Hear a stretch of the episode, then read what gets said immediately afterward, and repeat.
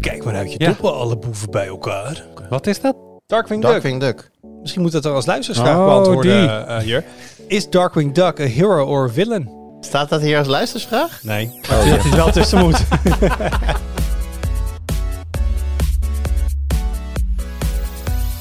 Hoi, leuk dat je luistert. Welkom bij een nieuwe aflevering van de Tweakers Podcast. Mijn naam is Wout en vandaag zit ik in de podcast met... en dan voel ik me nu heel erg gestrest, want vorige keer heb ik denk ik jou gezet. Dus met Jurien Uwachts Hey. en met Arnaud Wokken. Hoi. Eh, het was leuk vorige week, hè? Ja, dat was het zeker. Ja, gaan we gewoon nog een keer doen. Ja, we stoppen gewoon met de normale podcast. We gaan alleen maar dit doen. Ja, eigenlijk wel. Dus we hadden heel veel vragen van jullie, eh, die jullie ingestuurd. En we hadden er een aantal behandeld vorige week. Ehm, maar we hadden er eigenlijk heel veel over. En er kwamen Ja. nog steeds nieuwe binnen. Ja, en wat natuurlijk ook wel een beetje meespeelt... is dat we nu tegen het einde van het jaar lopen... waarbij er toch wat minder heftige dingen... of wat minder veel heftige dingen gebeuren... die echt heel erg het moeite van bespreken. Ik zei tegen Arnoud, we kunnen het wel gewoon weer over Twitter hebben... maar ja, dat hebben we, Kan ook al, altijd. hebben we ook al zes keer gedaan de laatste drie maanden, denk ik. Dus nou, Ja, ik wil, de Jur zegt dus niet dat de, de vraag van de gebruikers een soort B-optie zijn. Of dat we het niet belangrijk als er nu vinden. breaking news was geweest... hadden we het niet over de vraag van de luisteraars gehad. Zo simpel is het wel. Nou, dat is wel een beetje waar. Maar het is wel heel leuk, want het was een leuke aflevering. En dat hoorden we ook van jullie. Dus ehm, we gaan zo meteen nog wat meer vragen behandelen. Maar natuurlijk, tradities zijn tradities. We gaan highlighten. Arnoud. Oh, ik dacht Ja, ik heb helemaal Jur dat als je-. Ik ga gewoon Ja. even pingpongen hier. Ja, Dat- nee, is goed. Wat ik je het een beetje bij jou? Professionele uitdrukking. Dat lijkt net of je die ergens gelezen hebt vandaag. Sorry, inside joke. Eh, waar ik het over wil hebben zijn update-beloftes van smartphonemakers. Ehm, er kwam ehm, gisteren, als je dit op donderdag luistert, woensdag, in elk geval deze week, eh, naar buiten dat OnePlus vanaf 2023 vier grote OS-upgrades en vijf jaar aan updates gaat beloven voor zijn duurste smartphones. Eh, bij de goedkopere geldt dat nog altijd niet. En dat is de laatste in een lange rij van fabrikanten die in de afgelopen nou, twee, drie jaar de beloftes eh, stevig heeft eh, verlengd. Ehm, eh, Google deed dat bijvoorbeeld met de Pixel 6. Vijf jaar updates en drie OS-upgrades, als ik het wel heb. Volgens mij iets in die orde van grootte. Samsung doet vier OS-upgrades en ook vijf jaar updates. Ehm, om er maar eens een paar te noemen.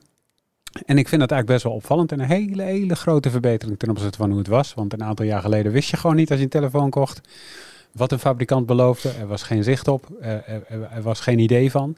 En het was altijd, ja, het hangt er een beetje vanaf hoe populair de telefoon wordt, hoe lang je updates zal krijgen. En nu is dat een, niet alleen een stuk duidelijker, het is ook, eh, het is ook eh, nou ja, langer geworden ten opzichte van toen. En dat vond ik een, eh, een, even een positief dingetje om zo aan te stippen. Mag ik zeggen dat ik hier op twee gedachten hink? Oké, Ik hink op twee gedachten. vertel. Supergoed. Mhm. Vier jaar OS-updates. Ja, Vier grote releases. ja. Dat vind ik een heel mooi streven. Dan vraag ik me wel af, die vierde grote release, hoe goed gaat dat draaien? Gewoon qua snelheid en vloeiendheid. Want je ziet dat die software gaat steeds meer vereisen. Dan heb je het over vier jaar oude hardware. Mhm. Dus aan de ene denk ik, hoe tegen die tijd als eindgebruiker, hoe graag wil je überhaupt die laatste release nog draaien? En gaat dat net zo? Wordt je telefoon er echt beter van onder de streep? Laat ik dat Nou, zeggen. veiliger, denk ik, met name. Nee, maar dat gaat over de veiligheidsupdate. Dit gaat echt over major releases van het bestuur. Nieuwe ja, dat features, snap ik. Maar worden de, oude, worden de oude OS-versies ook nog steeds... Krijgen ook nog- die nog steeds Patches. al die... Ja. Ja? Ja. Ah. Die krijgen allemaal nog beveiligingspatches. Dus dat was eerst was dat ze een x aantal jaar beveiligingspatches deden.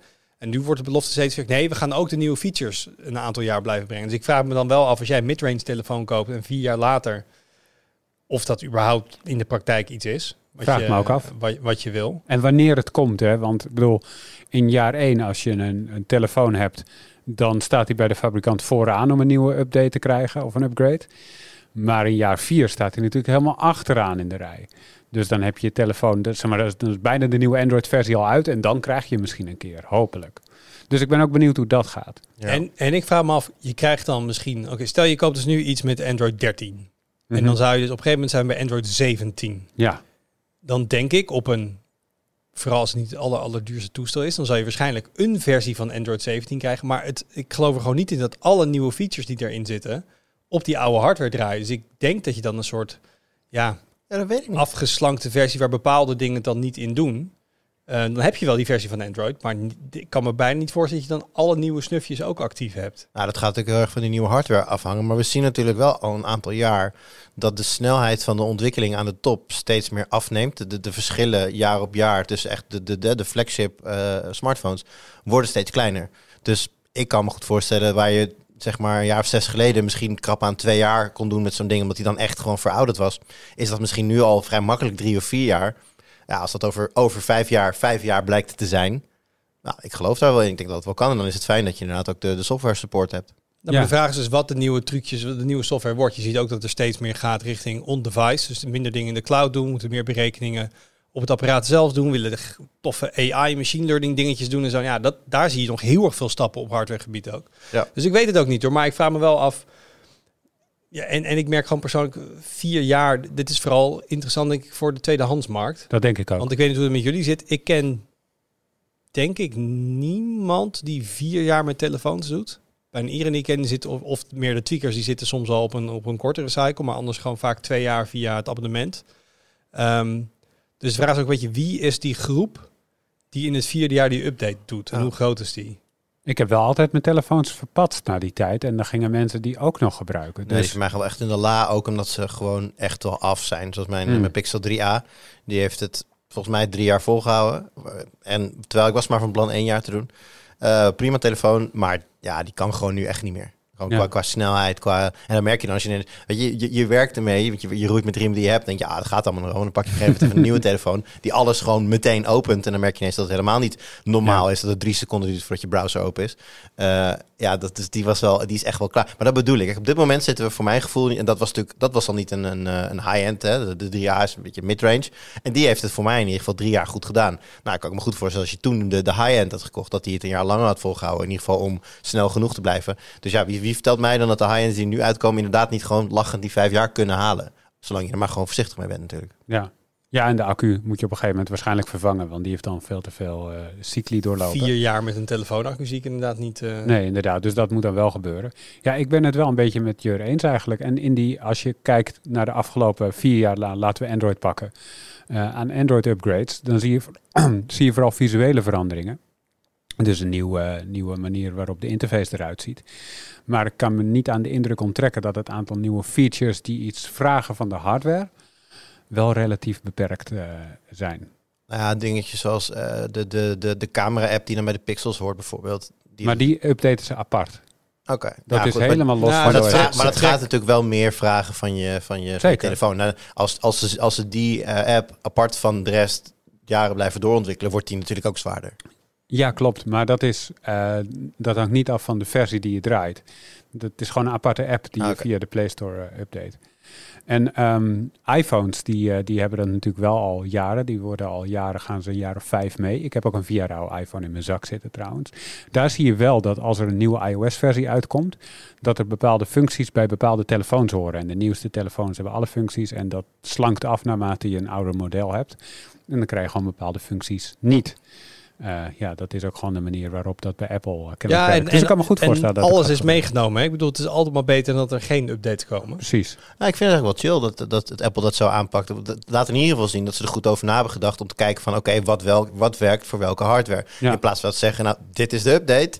Succes. En dat je er dan met Ja. je vier oude model eh, pas dan achterkomt dat de helft het niet blijkt te doen. Dus dat Ja. zij daar gewoon zelf al naar hebben gekeken van wat wel en wat niet. Dat vind ik wel. eh, Denk je, Arne, dat dit op een gegeven moment ook echt een soort standaard termijn gaat worden? Want Ja, hè, je zegt nu dat sommige fabrikanten dit goed doen. We hadden gisteren een, een review op de site van, eh, van Donovan over de eh, twee compacte telefoons. Eén van Asus en van Sony. En Mhm. Asus die zegt gewoon nog met droge ogen twee jaar. ja, Punt. Dat is het. ja. Dus die lopen nog enorm uit de pas. Denk je dat ze op een gegeven moment dan wel moeten? Ik denk het wel. Ik, dit is gewoon de nieuwe marktstandaard aan het worden.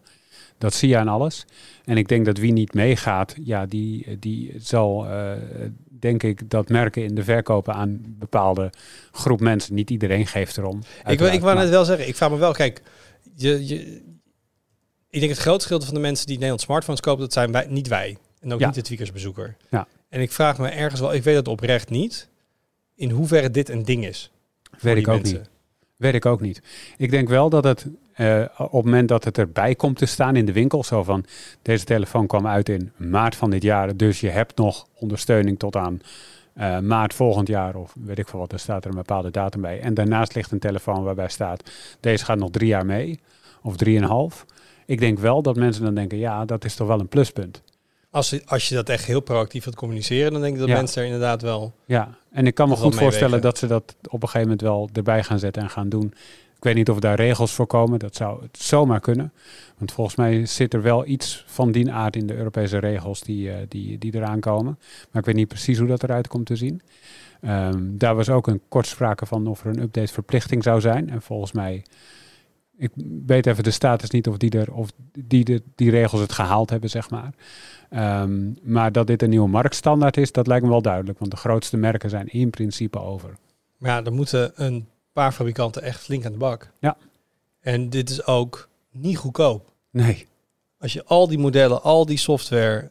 Want je zegt misschien duurt een jaar voordat je het hebt. Maar dit is echt een forse investering. Ja. Nou ja, ik ga me af of elke fabrikant dat bereid is te gaan doen.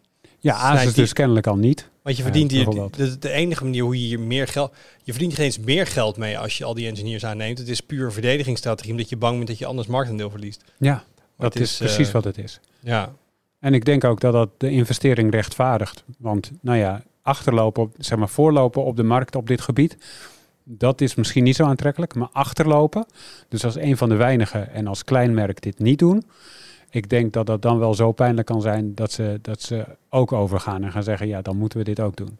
ja.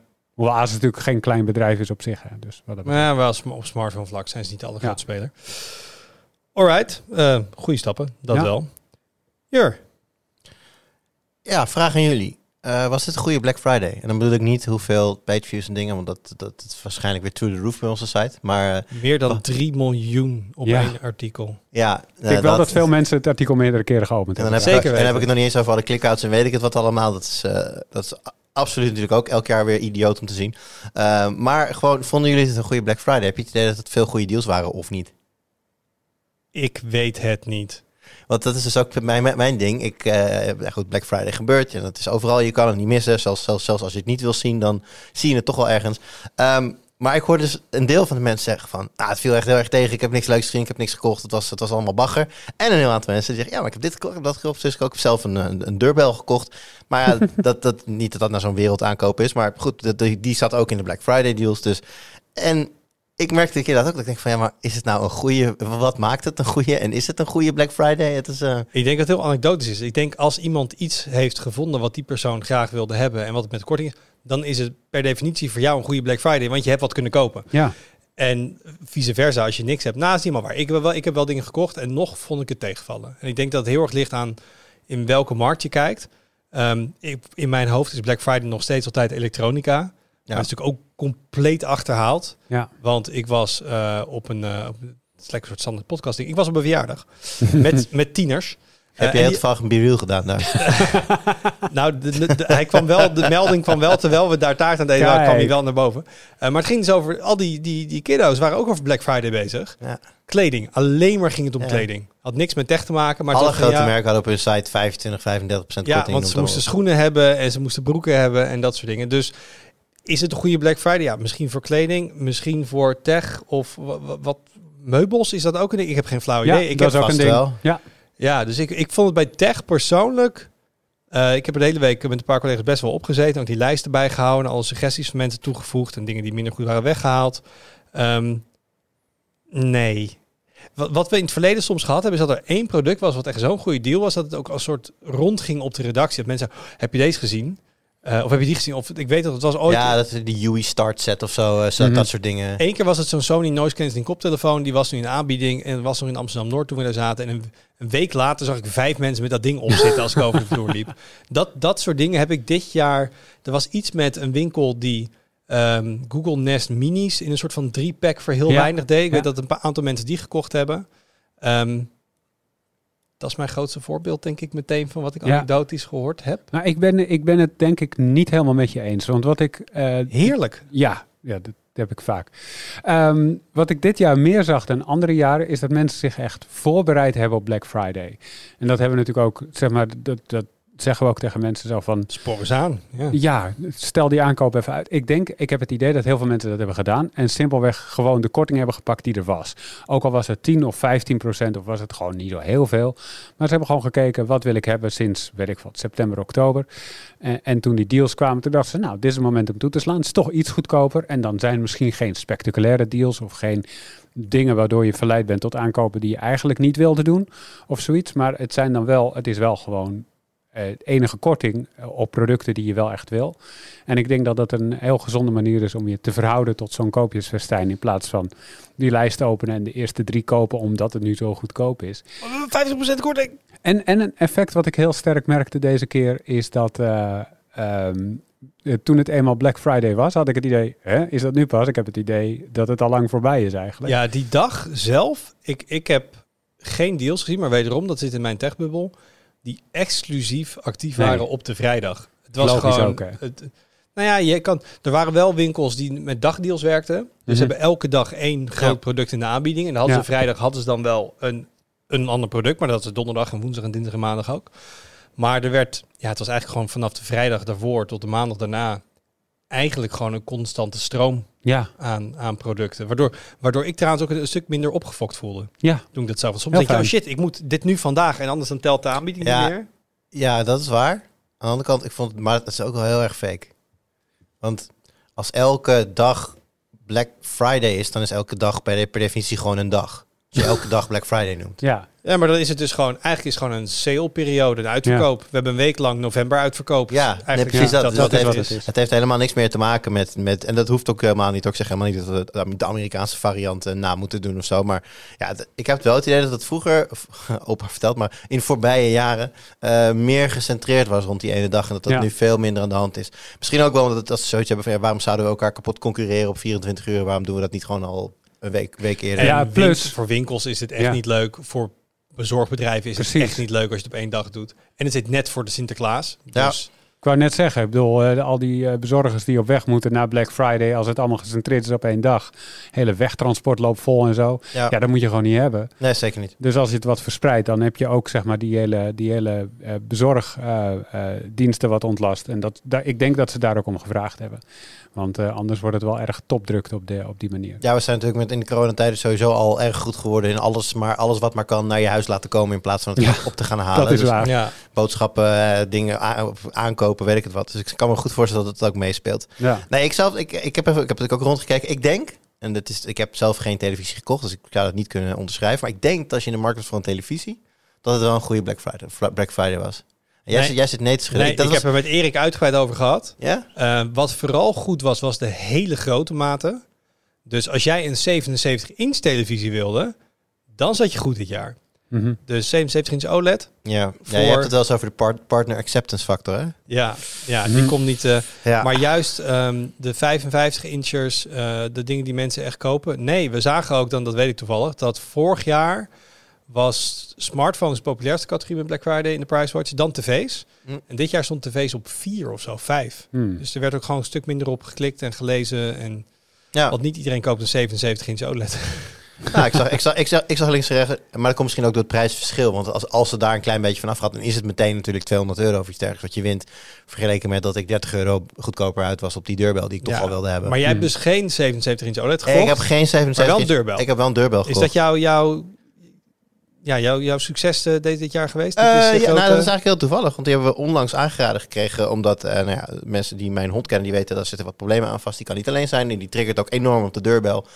Eh, dus wij willen de deurbel uitzetten, eh, maar wel liever op een manier dat wij zelf nog wel weten dat er iemand voor de deur staat. Dus dan eh, heb je een slimme deurbel nodig en eh, die heb ik ook gekocht. Hoe- hoeveel procent korting? Eh, dat weet ik niet, maar hij ging volgens mij van 180 naar 150. Dus jij bent goed met math. Dus eh, dat valt heel erg tegen. Maar dat is een korting. 16% ongeveer. kijk hier, daar hebben we onze huis Heb, heb jij nog een dealtje gescoord daarna? Ja, ik zocht eh, eh, voor, eh, voor mijn vrouw nog een noise cancelling headset voor eh videobelgesprekken. En eh, er waren wat goede aanbiedingen op, eh, op, eh, op dat soort dingen. Niet van de grote merken, iets, iets kleinere merken. Maar ehm, ja, dat was geloof ik wel 45 of 50 procent korting. Ik vond dat fors. Dat is lekker. dat En waren ook echt voorraden die opgingen. Want ik, ik, volgens mij de week voor Black Friday was er zo'n deal. Ik had erop geklikt, ik had hem gekocht. En voor mij twee dagen later keek ik nog eens in de, in de Price Watch en toen was hij er niet meer, zeg maar. Ja, ik heb het zelfs gedaan. Ik heb een eh, eh, flitser gekocht voor mijn camera. Dat is een model Mhm. uit 2016. dus een beetje, dit is gewoon een oude ding waar zelf. Maar die ging van 350 naar 160. Gewoon lekker. Oeh, Ja, nice. nee, echt enorm. Ehm, Wat een goede Black Friday. nou eh. moet ik wel zeggen, het was wel een soort impuls aankomen. Want het is niet dat ik al heel lang van plan was om zo'n ding te kopen. Maar het is wel handig om in je tas te hebben. Maar toen, ja, dan zie je wel 50% plus korting. Ja, en dan denk je, eh, maar dat is overduidelijk een oud model. Maar dat ja, hallo, het is een flitser. Je moet klikken en er moet licht uitkomen. Ehm, prima om een wat ouder product te hebben. Terwijl weet ik veel, als je een eh, smartphone koopt, koop je niet snel iets uit 2016. Nee. Het enige wat het laatste dingetje erover, wat ik wel jammer vind, is dat de deurbel die ik gekocht heb, of in ieder geval het merk daags daarna in het nieuws is geweest, waar je Arnoud gekocht. waar Arnoud mij op. eh, ja, nou ja, goed, weet je, je gaat je inlezen en dan, ik, je weet, ik ben helemaal niet zo heel erg begaan met, met privacy overwegingen en dat soort dingen. Maar ik dacht, nou ja, de, de, het hele idee, hele idee van alles lokaal opslaan en, en, en niet, niet, niet aan een abonnement vastzitten, dat sprak me wel aan. Dus ja, als je dan ineens in het nieuws leest, dat- stiekem toch bepaalde beelden eh, om een thumbnail te kunnen sturen naar je telefoon naar een server worden gepusht, of niet stiekem, maar dat, zo werkt het systeem gewoon. Dan denk je van, ah, Ja, en er was ook nog een dingetje met volgens mij dat bepaalde credentials unencrypted over een API-lijntje gingen en zo. Mhm. Dus het, het, ze hebben wel een paar boeboes gemaakt bij Eufy. Voor mij gaan ze Ja. dat ook wel meteen heel snel oplossen. Daar zijn ze er wel duidelijk in. De stemming is daar niet. eh, laat maar. Ik ga hem ook gewoon niet maken. Euforisch. Eufo- Euforisch. ja. ik maak hem gewoon hoor. Ik voel me er helemaal niet eh, te goed voor. Ehm, ja, dus dat. Wat ik trouwens wel heel leuk vond, is dat we dit jaar eh, ook samen met de community dingen hebben gedaan. Dus we hebben normaal Mhm. natuurlijk op de site overzicht. Hè, dit komt uit de price watch. We zien een prijsdaling. Dat is gewoon eh, een algoritme. Ehm, maar dat ook gebruikers eh, zelf tips gaven. Hey, ik zie dit op die Ja. site. Op die site staat niet in de price watch, maar het is wel leuk. Een van onze crewleden kwam lekker een weekje erbij hangen op Slack om ook dingetjes door te geven en zo. Dus eh, aan leuk. ieder die daar suggesties voor gedaan heeft, eh, dank jullie wel. Dan denk ik ook nog een, ehm, een highlight, hè? En wat voor een? Ja, ik heb een nieuw appie ontdekt. Daar ben ik heel enthousiast over. En het appie, dat heet Buzzkill. En normaal is Buzzkill helemaal niet positief. Dat is een soort negatief woord. Maar dit is wel leuk. Want dit is een ehm, echt tweaker ding voor Android. Je kan dus je notificaties ermee ja, helemaal zelf naar je hand zetten. Ehm, Dat kan niet standaard in Android. nou, wat je kan doen, is je kan dus zeggen per applicatie en per type notificatie, hoe die dus eh, welke eh, ringtone en welk eh trilpatroon. Maar je kan ook zelf een patroon helemaal invoeren van ik wil dus een kort, dan wil ik een een soort morsecode, maar dan met veel meer opties dan alleen kort en lang. Ehm, maar het allertofste is, er zit dus een, een optie in dat je kan filteren op de inhoud van de notificatie. Dus hij kan de tekst scannen wat erin staat aan basis daarvan. Dus waar ik nu mee bezig ben, ik ben dus nu voor verschillende WhatsApp-contacten en groepen kan ik dus andersoortige notificaties doen. En dat vind ik heel leuk, want ik kan, wil eigenlijk meestal dingen gewoon uitzetten. Maar stel, mijn vrouw die stuurt wat, nou dat hoeft niet altijd belangrijk te zijn, maar dat vind ik wel belangrijk om te weten. Die, kan ik, die heeft nu een custom trilpatroon. Dus als dan mijn telefoon in mijn broekzak zit en ik voel gewoon dat, iets, eh, dat er een notificatie is, dan weet ik dus aan het patroon wie het is en via welke app. Nou, kijk, Arnoud die lacht helemaal, Jurk Ja. kijkt echt heel erg stoïcijns. Zie je even een soort van ronde blauwe knop met een kruisje ervoor eh, voor je neus. En dan de tekst doubt ernaast. ernaast. Dat is een beetje wat ik momenteel probeer uit te stralen hier. Waarom doubt? Nou, ten eerste, je hebt het over een trilpatroon. Ik ben überhaupt, als ik dat ding in mijn zak heb zitten, ben ik al blij als ik voel dat hij trilt. Dat is al een ding. Dan daarna, daaruit gaan distilleren wat voor trill het is, dat vind ik, eh, dat klinkt erg uitdagend. En daarnaast heb ik mijn trill sowieso altijd uitstaan. Mijn maakt geen geluid, geen trill. Ik kijk gewoon af en toe en dan zie ik not- notificaties of iets. Dus ik zie die, ik, ik zelf, het is misschien heel persoonlijk, maar ik heb hier zelf niet echt een use case voor. Of zo. Nee, maar als je inderdaad je geluid in je trilstand uit hebt staan, is dit niet voor jou. Nee, want hij, hij, hij, eh, hij leidt me sowieso al genoeg af. Ik heb helemaal niet nodig dat hij zelf ook nog dingen gaat doen. Maar hoe weet je dan of de bel gaat? Hey, kom er maar in, meneer Ja, daar heb ik nog niet over nagedacht. Nou, dan hoop ik dat mijn vriendinnen wel op eh, staan. Nee, ja, eh, op momenten dat... Kijk, de bel staat... De, de chime zal in principe gewoon aanstaan. Het is natuurlijk een nieuw geluidje, dus de hond zal daar niet meteen op triggeren. Eh, alleen als wij bijvoorbeeld niet thuis zijn, omdat we haar eventjes alleen laten, wat heel voorzichtig af en toe een heel klein beetje kan, eh, dan hoeft er daar natuurlijk geen geluid te zijn. En dan zal ik toch inderdaad bij na moeten denken dat ik... eh, was er maar een app waar ik die kon vertellen, dat ik die dan een andere ringtoon moet geven dan al mijn andere... Wij gaan praten achteraf. Ik heb iets voor jou. ik kan je helpen. Oké, ik eh, trek mijn doubt weer in. Maar Arnoud, back me up hier. Leuk? Ja, nee, dit is natuurlijk eh, dit is fantastisch. Geweldig. Nee, dankjewel. Ja. dankjewel. Nee, wat, wat er ook is, het is, zeg maar voor de mensen die het niet, niet kennen, niet weten wat zich erbij voor moeten stellen. Het werkt als if this then that. Ja. Ehm, maar dan voor je notificaties. En wat je dus ook kan doen, en, en daarom heb ik het gelijk gekocht, want het is een betaalde app, dat wel. 2,50 euro. 2,59 euro zelfs. Eenmalig of per jaar? Eenmalig, ja. Nou, dat valt mee. Ja, het is net alsof het weer 2013 is, joh. Je koopt gewoon een app en in één keer ben je, ben je eraf als je betaalt.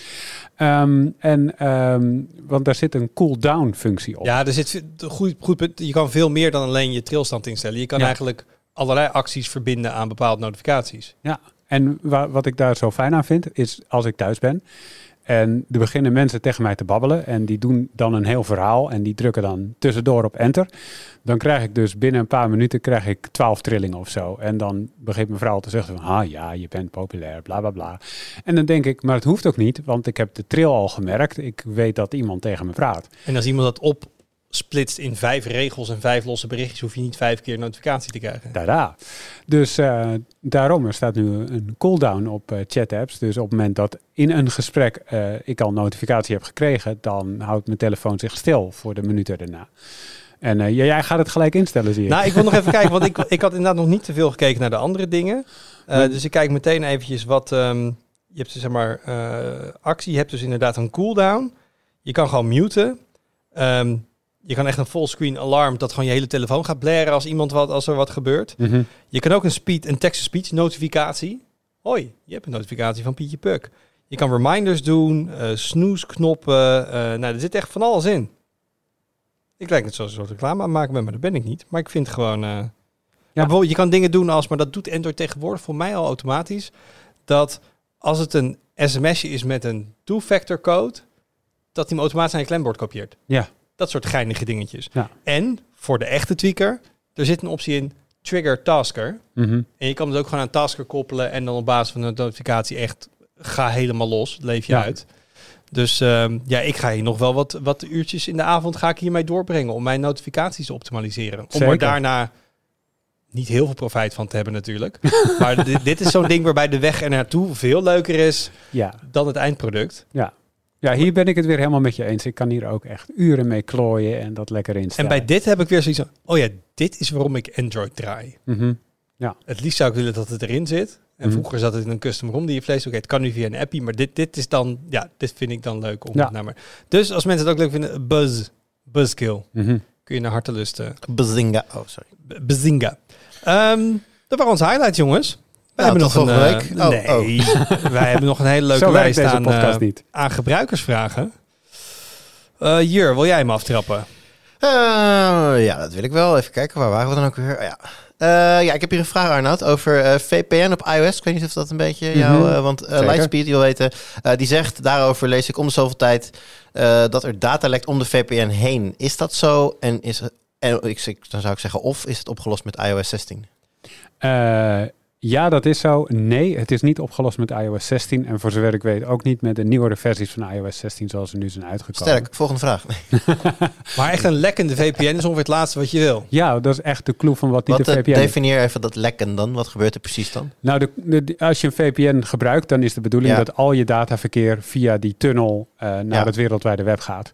Zodat je beschermd bent of ergens bij kan waar je op een andere manier niet bij kan. Of als je Ja. in een land zit waar je ze je niet zo lief vinden als je bepaalde dingen gebruikt. Dat je dan net kan doen alsof je in een ander land zit. Dat Maar- soort dingen. Ja. Maar er gaan dus dingen daaromheen. Dus de internetverbindingen die al open stonden, die worden niet gekild. iOS houdt die Oh. gewoon open en dat loopt dus niet via de VPN. En het erg is nog, ehm, er zit nu een soort van, hoe heet het, lockdown mode. Ik, ik probeer even de naam eh, te verzinnen, maar dat was een soort extra beschermde modus. Voor mensen die een iPhone gebruiken, eh, terwijl ze zich heel bedreigd voelen en niet willen dat iemand iets kan meeluisteren. Eh, en daarin gebeurt dit dus ook. Dus, ehm, en daarin is het extra ernstig, want voor die mensen is bescherming extra eh, belangrijk. Dat zijn de categorie mensenrechtenactivisten in China en zo. Als je bij de douane in China staat, zeg maar. Die Ja. Ja, als Ja. je werkbaar, werk, werkzaam bent als diplomaat bijvoorbeeld. Bijvoorbeeld. Het, ja. Wat Apple simpel zou moeten doen, is gewoon zodra je de VPN aanzet, alle openstaande verbindingen killen en opnieuw opzetten eventueel. Maar dat hebben ze daar iets zelf over gezegd? Nee, ik weet ook niet waarom Apple hier niet toe in staat is of waarom dit zo complex voor ze is. Maar ik weet wel dat dit zo is en dat je dus met de VPN op iOS niet moet veronderstellen dat je per se veilig bent. En dat geldt dus niet, dat geldt voor alle VPN's die je op iOS draait. Maakt niet uit bij welke dienst je aangesloten bent. En Hoe, hoe gaat dit op Android dan? Dat weet ik niet. Eh, Zou dus ik heb er geen idee van. Ja, Wel interessant. ja, Om daar eens... eh goede vraag, Lightspeed. ja. Dat, dat triggert ons ook weer. Dat is voor mij heel, heel relevant. Ik, ik gebruik namelijk dagelijks VPN. Waarom? Eh, ik eh, connect even met LA, zodat ik de hurdle elke dag kan doen. Want dat kan je niet vanuit Nederland doen momenteel. Ah, Dus ik, eh, ik, heb, eh, ik ben een dagelijks gebruik van VPN. Maar ik heb geen idee of dat inderdaad helemaal waterverbit dicht is. eh, in Ik plaats ben van, inderdaad gestopt met hurdelen toen het overgenomen werd door Spotify. Ja, ik ook. Ja, eh, maar je kan dus ja. gewoon met VPN kan je er gewoon bij. Ah, nice. En dat is helemaal niet beveiligd. Dat is zoals bijvoorbeeld Netflix is veel slimmer. Die hebben dat allemaal door. En dat, dat, dat richt niks uit. Maar nee, dit is gewoon helemaal browser-based. En dat werkt gewoon prima. Jij bent nog steeds everyday am hurtling. Everyday I'm hurdling en hordeling. En Ah. wordeling. Ja hoor. Oké, en Wordle kan nog wel. Even kijken. Ehm, een vraag aan ons allemaal. Dan ik zal hem even oplezen. Eh, het zijn eigenlijk twee vragen van, eh, van Ilko. En die zegt, wat vinden jullie ervan dat Frankrijk het gebruik van Office 365 en Google Docs in scholen aan banden legt? Zou Nederland ook veel strikter moeten zijn? En eigenlijk een beetje verwant eraan. ehm, nee, dat is niet echt verwant eraan. Dus die doen we eerst even los. Ja. Nou Arnoud, wat vind jij ervan? Ehm, ik denk dat dit.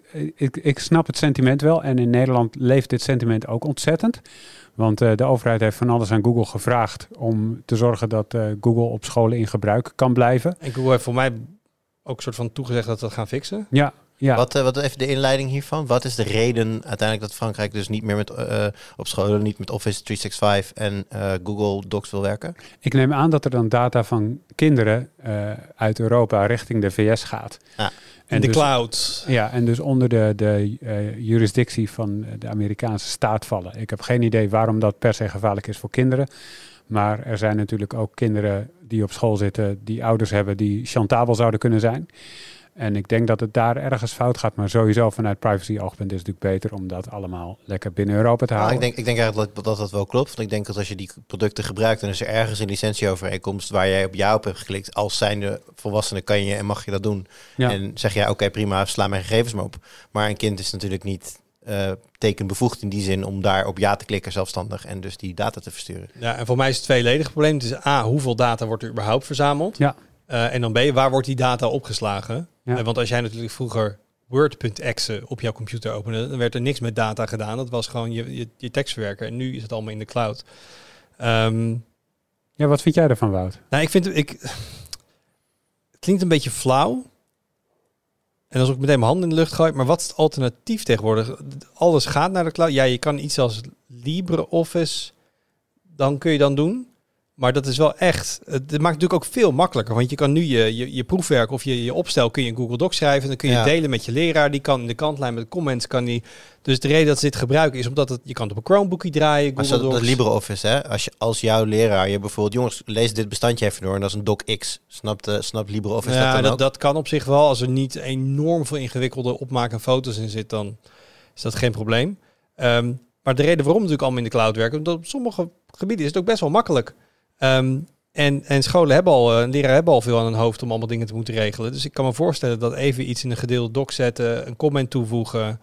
Ehm, ja, en als je dus naar een offline optie gaat, voor mij biedt Microsoft niet echt meer. Jawel. Ja, je kunt nog offline met. Ik eh, heb, ik heb nog deze zomer een, een, een Office-licentie aangeschaft voor school.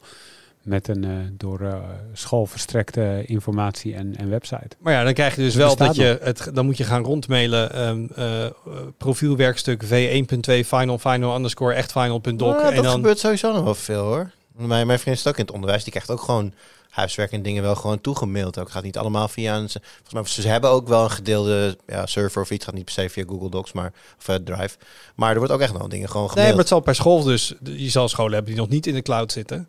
Uh, maar ik snap wel dat scholen dit willen. Het, het, het ontlast, het maakt alles veel makkelijker. Ja. Um, dus ik, de vraag is ook wel zou en, en Nederland ook veel strikter moeten zijn en aansturen op privacy. Ik denk ja, maar ik denk dat de oplossing vooral is zorgen dat Microsoft en Google zich aan alle wetten houden. Niet zozeer ja. zeggen je mag niet met een clouddienst werken op ja. school. Um, want dat zou, ik, dat zou ik toejuichen. Het moet gewoon binnen de juiste kaders gebeuren. Precies. Het gaat om het hoe en niet om het of. Ja, ik ben op zich niet tegen de ja. cloud. Ja. Ben er wel fan van eigenlijk op bepaalde momenten. Dan heb ik nog een tweede vraag van Eelco en uh, die stel ik dan aan jullie. Wat vinden jullie van de monopolie van Apple en Google en hun gedwongen afdracht in, uh, in downloadwinkels, App Stores, Play Store? Uh, en zou er meer aandacht voor alternatieven zoals Graphene OS, E en Sailfish moeten zijn? Nou, wel lekker actueel met uh, Ome Elon. Die ik wil laatste... zeggen, het valt me toch op dat Elko Mulder en Elon Musk hun uh, initia initialen delen. oh, wauw. Dus ik, uh, ik, ik, ik zie door deze vraag heen Elon. En nee, ik vind dat je helemaal gelijk hebt. Het, is, het, is, het, is, het is iets wat ja, fighting the good fight for a change, uh, zou ik willen zeggen. Nu, dat, waren, dat waren denk ik al mijn Engelse woorden die ik mag gebruiken in deze, ja, in je deze bent, aflevering. Je bent door je tax heen. Ja, nee, maar we hebben natuurlijk veel kritiek gehoord. En terecht ook op, op Elon Musk en Twitter en, en dingen. En hij loopt nu natuurlijk als, uh, als baas van, een, van iets dat ook met, met app werkt. En hij zou dingen willen verkopen, maak ik hieruit op. Ja. Um, nou, het, idee Twitter Blue via de iOS App Store zou die 30% ja, moeten afdragen. Hij merkt nu wat, wat grote partijen als daar, zoals daar zijn, App Games, natuurlijk al uitgebreid hebben besproken. Netflix, en, Spotify. Ja, dus hij is de volgende. En ik zeg, nou ja, sluit je lekker aan in, in inderdaad. Want het, is, het slaat in die zin nergens op dat het volgens mij 30% bij allebei. Of in ieder geval bij Apple. Maar, ja. Ja, nou dat... Uh, met, wat, met wat asterisken hoor. Dat is, uh, bedoel, als het een abonnement is, dan gaat het na een jaar naar 15% bijvoorbeeld. Um, dus het is niet altijd stevast 30% overal. Maar uh, ja, die afdracht is er wel en die is hoog. Maar ja. de vraag van, El van Elko is, zou er meer aandacht moeten zijn voor alternatieven? Ja, dat vind ik lastig. Um, in die zin dat ik niet geloof dat een alternatief kan slagen. Er zou, meer aandacht, er zou nog meer aandacht en nog meer noodzaak moeten zijn op het feit dat die percentages gewoon naar beneden moeten. Ja. Want ja, de, de, alternatieven die die geeft, die Google Android als Grafeno OS of iets als de, de e-Foundation of Sailfish. De tweaker in mij wil alleen maar zeggen, ja, ja, meer van dit en tof. En ik vind het tof als Arnoud er verhalen over schrijft en als ze het doen. Maar als ik gewoon heel realistisch ben, dit gaat geen tractie krijgen breed gezien. Nope. Je kan niet heel veel aandacht vragen, maar mensen willen... Uiteindelijk willen mensen Google dingen in Android, want dat is makkelijk. Daar zit hun spul. En ze, ze willen het uh, gesloten ecosysteem. Even niet de tweaker, gemiddelde tweaker misschien, maar in, in brede zin. En het zijn toch wel grote doelgroepen waar we hiermee te maken hebben. Dus ik denk hetzelfde met Office 365 en Google Docs.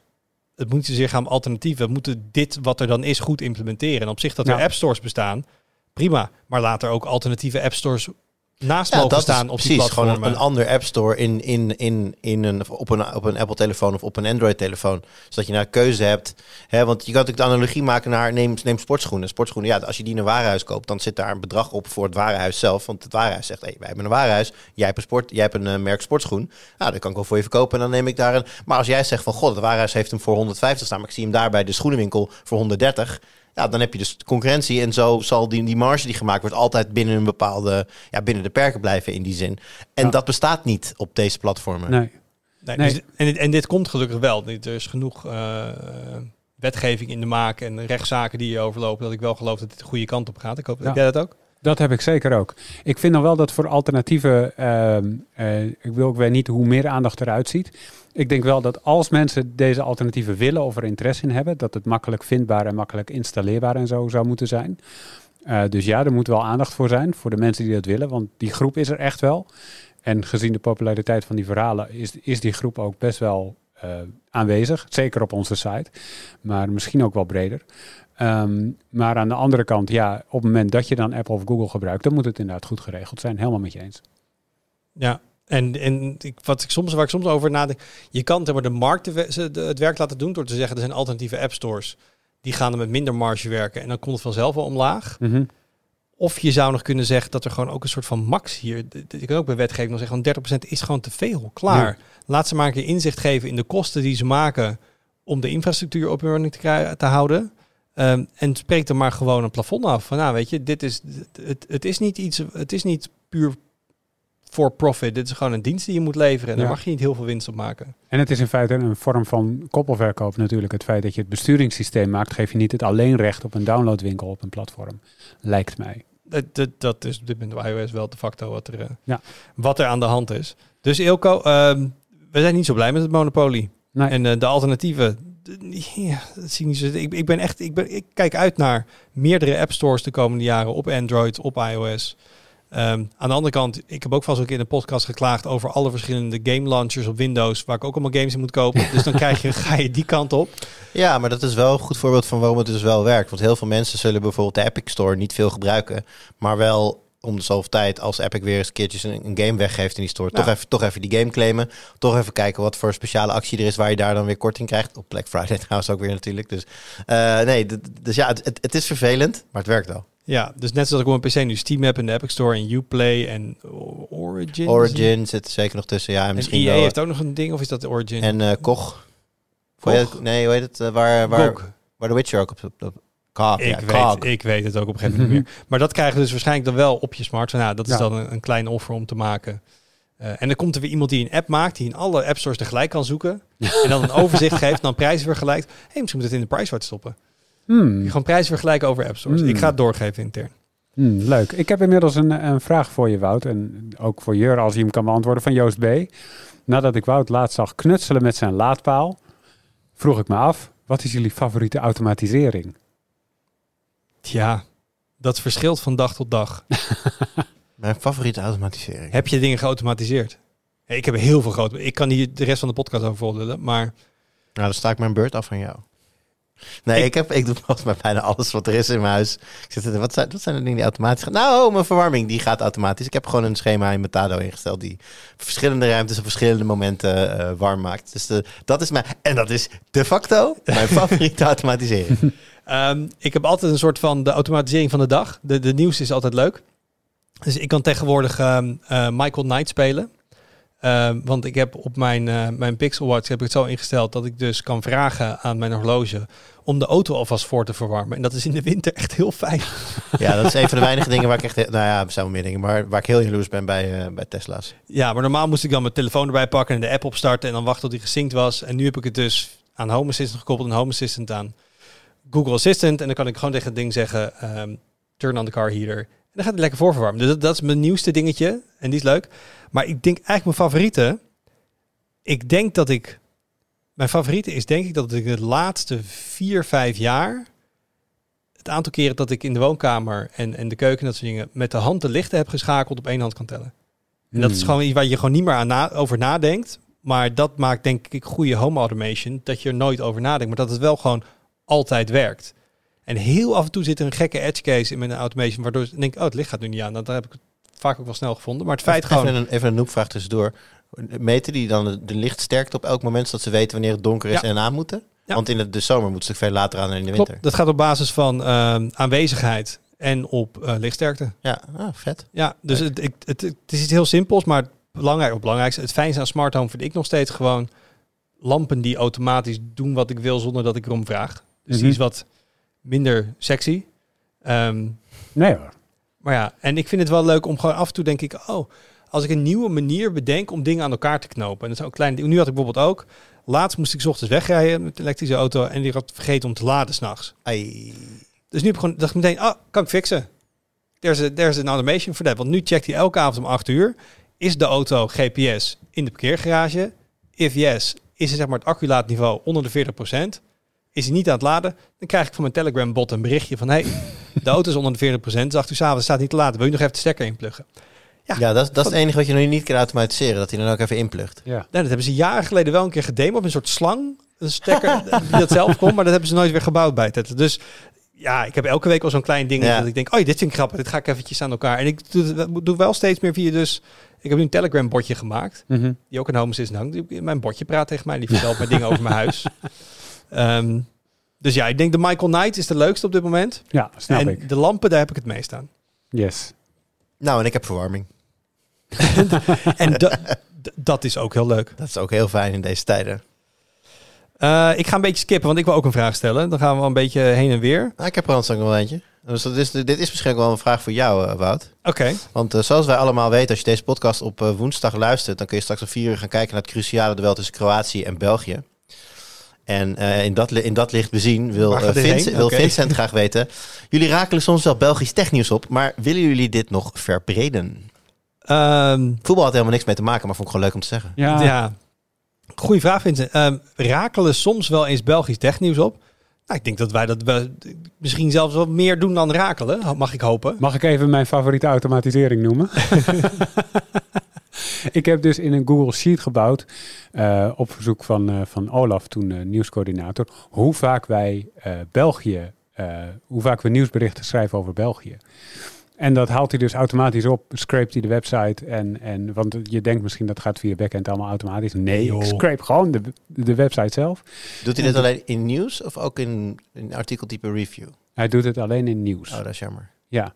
Nee, heel- nee, trouwens niet. Nee, eh, alles waar de tag België aan hangt, pakt hij dus ook reviews. Dus als, ik, Jazeker. dus als ik out of nowhere ineens Henk Westbroek eh, mentions ga doen, dan eh, komen die er ook in. Als Nee, jij het- zegt, ik heb getwijfeld over België, dan komt dat er zeker in. Ja, Heel lekker. We werken natuurlijk met tags op de site. En dit gaat alles wat getagd is als België. Dat, Ja. Ik eh, weet niet hoe ik Pokémon en België ga leren, maar het gaat me lukken. En, en toen bleek al dat we constant meer over België aan het schrijven zijn dan dat we voorheen deden. Ja, dat is ook wel- dat, misschien wel goed om te zeggen. Dat is ook echt bewust. Ja. Ehm, dus Vincent vraagt, hè, wil u dit verbreden? Nou, dat is eigenlijk eh, een vraag die we ons een paar jaar geleden stelden.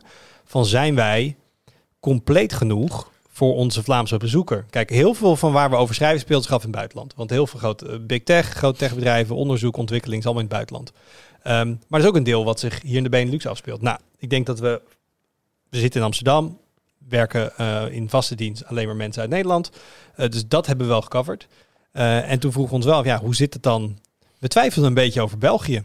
Of we dat wel, Terecht applaus. Mooi. ehm, of we dat wel goed deden. Eh, dus toen zijn we daar, nou ja, meer Belgische andere nieuwsites in de gaten aan het houden. Daar echt focus op hebben. We hebben een freelancer, eh, Jay, die ons ook eigenlijk daarbij helpt. Buiten het feit dat hij ook gewoon algemeen nieuws meetikt. Dat hij ons ook af en toe tipt. Eh, dus we zien in ieder geval dat we de laatste jaren steeds meer nieuws over België brengen. En het is ook niet alsof de lat verlaagd hebben. Ehm, willen we dit nog verder verbreden? Nou ja, als er meer te melden valt, wel. Het is niet alsof we daar echt een heel eh soort grafiek hebben met een doel van hier moeten we, moeten zoveel stukken per jaar zijn. Eh, maar we zijn er wel echt ja, actief mee bezig geweest de laatste paar jaar. Eh, en we zien in ieder geval dat als je, ja, als je er focus op hebt, als je erop let, dat er dan ook meer te, Ja. te melden valt. Zo werkt dat met nieuws ook echt. Op het moment dat je begint met iets te volgen, dan komt er vanzelf meer nieuws op je pad. Want het- mensen gaan het je tippen of, eh, of eh, je krijgt het zelf in je RSS-feed omdat je die RSS-feed hebt toegevoegd eh, met Belgisch nieuws. Dus zo werkt dat wel. Op het moment dat je er meer op gaat letten, dan zie je het meer. Zoals met alles eigenlijk. Dus ja, dit komt steeds meer terug op de site. denk. En we hebben voor mij ook dit jaar twee achtergrondverhalen gehad, ook echt specifiek over Ja. Vlaanderen gingen en dingen daar spelen. Voor mij met het gebied van Glasvezel. glasvezel. En voor mij wordt nu ook nog gewerkt aan iets over, eh, over privacy Mhm. eh, wetgeving. Dus ehm, ik hoop dat je misschien ook wel een beetje merkt, Vincent. Zou zeggen, laat het weten. Ja. Dat, dat is wel ons hoop. En als, je, en als je het idee hebt dat we nog wel eens wat missen, gooi het alsjeblieft in een nieuw submit. Eh, want we, we, we krijgen de tips graag binnen. Het is zeker iets wat we zo goed mogelijk willen doen. Zeker. Ik heb, eh, ik heb een vraag aan Jur. Jij hebt En, een vraag eh, aan mij? Ja, Of heb jij een vraag of heeft Slapstick een vraag? Slapstick heeft een vraag. Ah, De, de, de PS5 en Xbox Series X zijn nu twee jaar uit en sinds een tijdje zie ik ze ook in de schappen liggen. Ik, eh, ik zie ze nooit in de schappen liggen. Maar, Ik ben benieuwd waar je kijkt. ja. twee jaar uit en ah, ze liggen nu eindelijk in de schappen. maar goed, Soms. maar ze zijn in ieder geval wel al twee jaar te koop. Dat is, dat is wel waar. Ook al kan niet iedereen ze de hele tijd kopen. De vorige strijd tussen deze twee titanen werd toch al gewonnen door de PS4. Hoe ziet het strijdveld er nu uit na iets meer dan twee jaar? Moet ik je bij vertellen dat ik daar nog, eh, of in ieder geval nu hier voor me, geen gegevens over heb.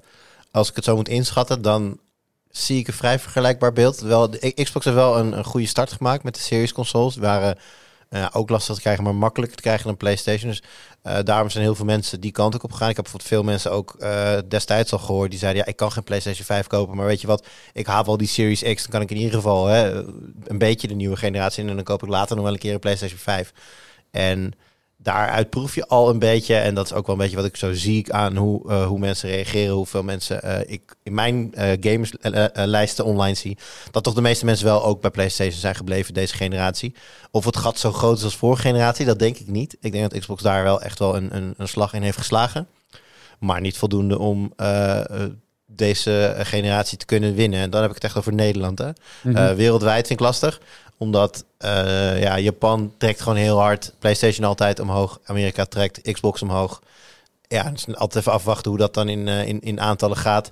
Eh, maar ik verwacht eigenlijk dat ehm, in aantallen de PlayStation 5 zou winnen. Alleen ja, door die tekorten weet ik gewoon niet of de hele vraag überhaupt al beantwoord is, zeg maar. Ja. Of daar al aan voldaan is. En of in absolute units eh, Xbox niet gewoon voorloopt. Dus daar, eh, wat ik zeg, ik heb daar geen gegevens nu voor me. Ik, in Nederland ben ik redelijk van overtuigd dat PlayStation 5 een ruime voorsprong heeft. Maar Maar de, dat gaat over verkoopcijfers. Ja. Maar jij kan ook zelf een mening hebben over het, hoe het strijdveld eruit ziet na twee jaar. Wie, Ehm. sta- wie heeft de beste kaarten?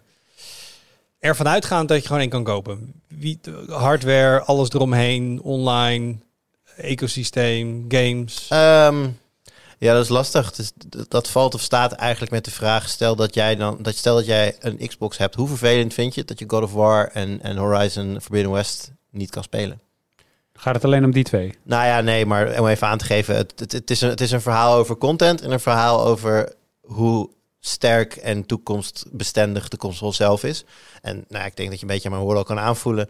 Xbox en zeker de Series X heeft in mijn ogen echt een hele duidelijke voorsprong als het gaat om hoe de console werkt. Wat de, de features die erop zitten, de manier waarop de cloud gebruikt wordt, hè, met de integratie van, eh, van Game Pass en eh, alles wat je kunt streamen natuurlijk ook naar je, naar je console. Dat werkt gewoon supergoed. Ik ken heel veel, heel, veel, heel veel jongens die vroeger hardcore gegamed hebben, nu wat minder hardcore spelen. Maar ja, doordat, door Game Pass krijgen ze zoveel leuke games al, dat ze eigenlijk nooit de behoefte hebben om nog een game te kopen. Dus ja, dat, dat heeft Microsoft gewoon heel slim gedaan. Maar de echte grote uitschieters eh, van, van games dit jaar, ja, die vind je dan toch meer op de PlayStation 5. Ik bedoel, het feit dat, eh dat voor mij God of, God of War en Horizon allebei eh, in de top 5 staan bij de VGA's. Ja, dat zijn twee PlayStation exclusives. Dus dat geeft al wel aan dat ja, over de, op, qua content heeft PlayStation gewoon een sterkere line-up. Qua features vind ik Xbox beter. En ik, ik heb helemaal blanco nu die andere hele grote game die dit jaar is uitgekomen, waar jij ook heel erg fan van was. Eh, Elden Ring, Ja, is dat een multiplatform. multiplatform? Oké, dus dat kun je wel op je, Ja. op je Microsoft console spelen.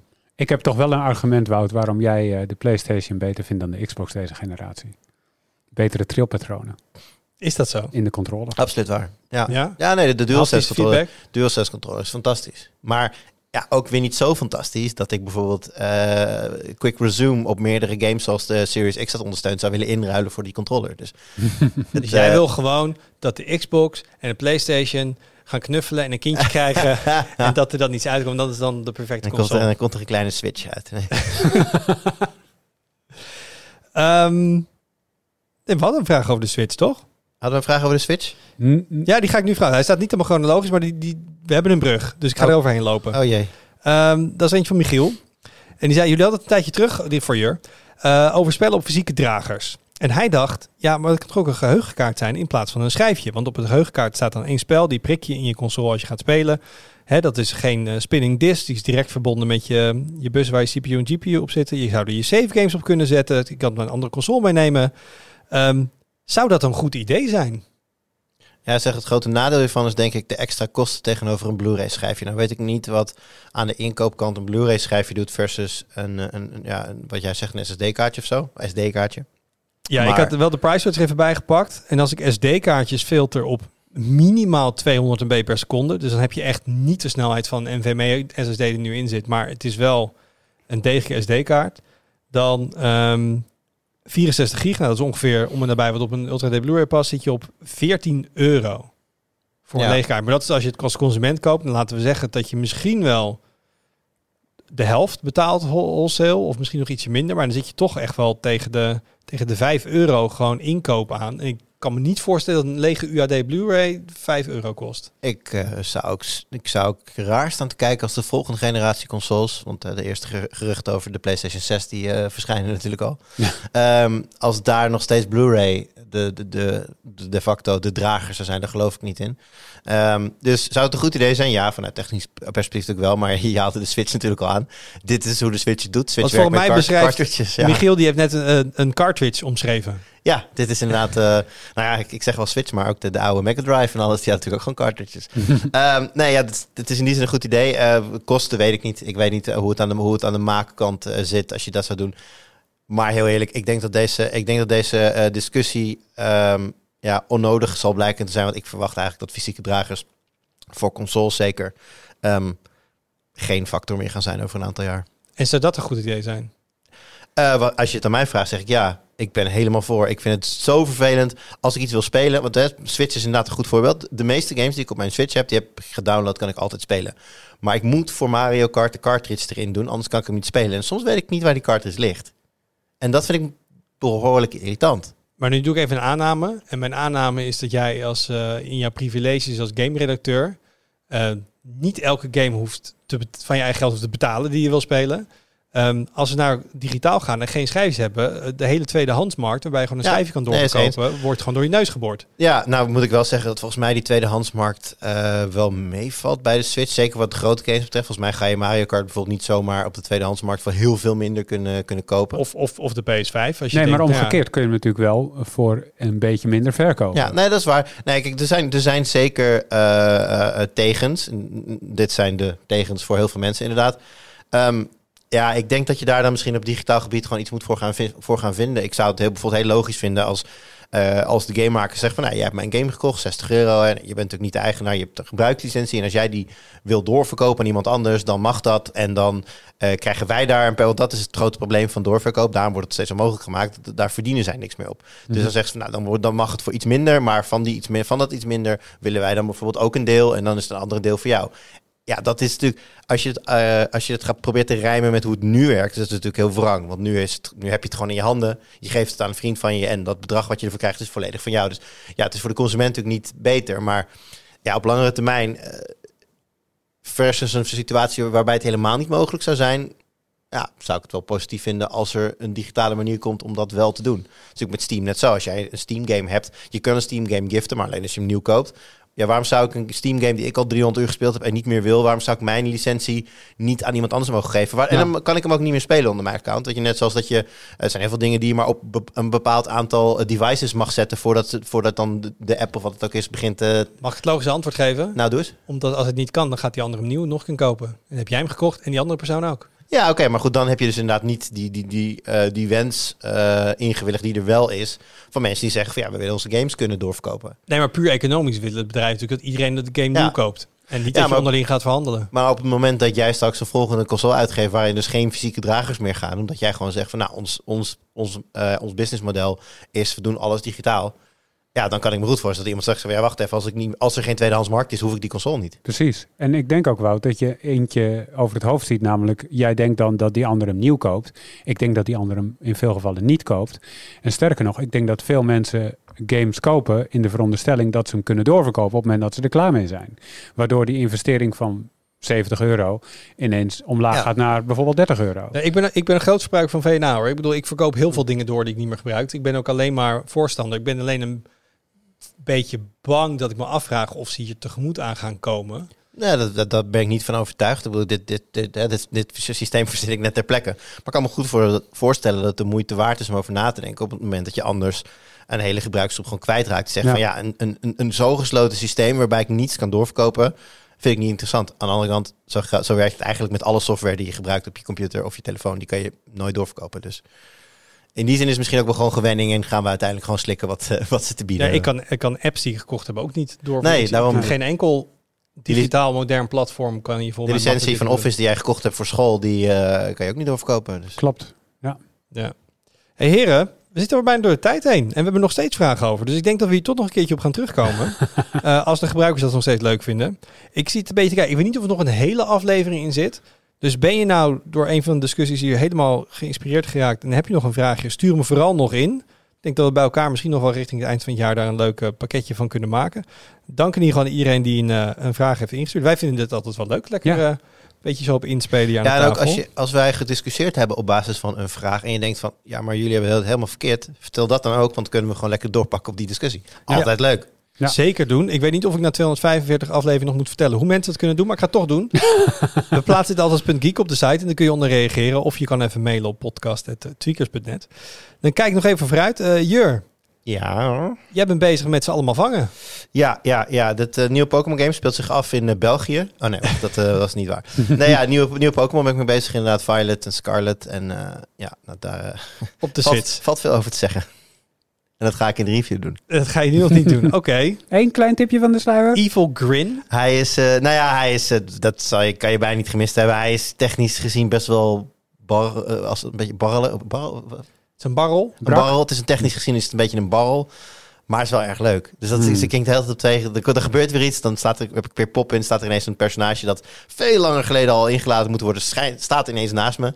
Eh dan denk je van, huh? Maar tegelijkertijd dan is die wereld wel weer heel leuk en open. En, Maar dat is ja, toch heel erg Pokémon van A Wild mm, Appears. ja, maar niet in een, in een spel waarbij je in principe gewoon om je heen kunt kijken. Oké. Maar dan snapt het spel soms niet dat het wel handig is om een paar meter eerder iemand al in te laden. te renderen. Oké. ehm, verder, ehm, als je nou op dit moment denkt, ik ga morgen of vandaag een monitor kopen, doe het alsjeblieft niet. Want Mhm. eh, ons testlab en eh, collega Vriezer zijn heel druk bezig eh, met onze monitoren BBG, waar echt een sloot aan testwerk in zat. Daar, ik heb niet letterlijk ehm, de, de, de, de schuttingtaal uit het testlab horen komen, maar voor mij was er wel even, ging heel veel werk in zitten. Maar uiteindelijk is het wel allemaal getest en hebben we daarvoor weer een mooi advies klaar liggen.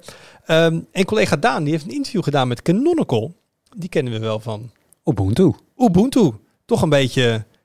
Ja, ik denk altijd Linux voor noobs of zo. Het is een soort instap Linux, heb ik altijd het idee. Maar dan denk ik, Kees, onze sysadmin, draait ook Ubuntu. En die vind ik heel diehard. Dus Mhm. dan denk ik misschien, nou, misschien is het dan toch wel weer. Ik, ik kan het nooit, ik ben ook geen kenner. Ik kan het nooit een beetje inschatten hoe. Het is in ieder geval de populairste distro. Ik denk dat je dat wel kan zeggen. Ja, ik weet niet hoe cool die is binnen de, binnen de distro-wereld. Maar eh, daar is uh, collega. Ik zit even te kijken, want had, ik zit uh, tegelijk in onze backend even te kijken naar de titel.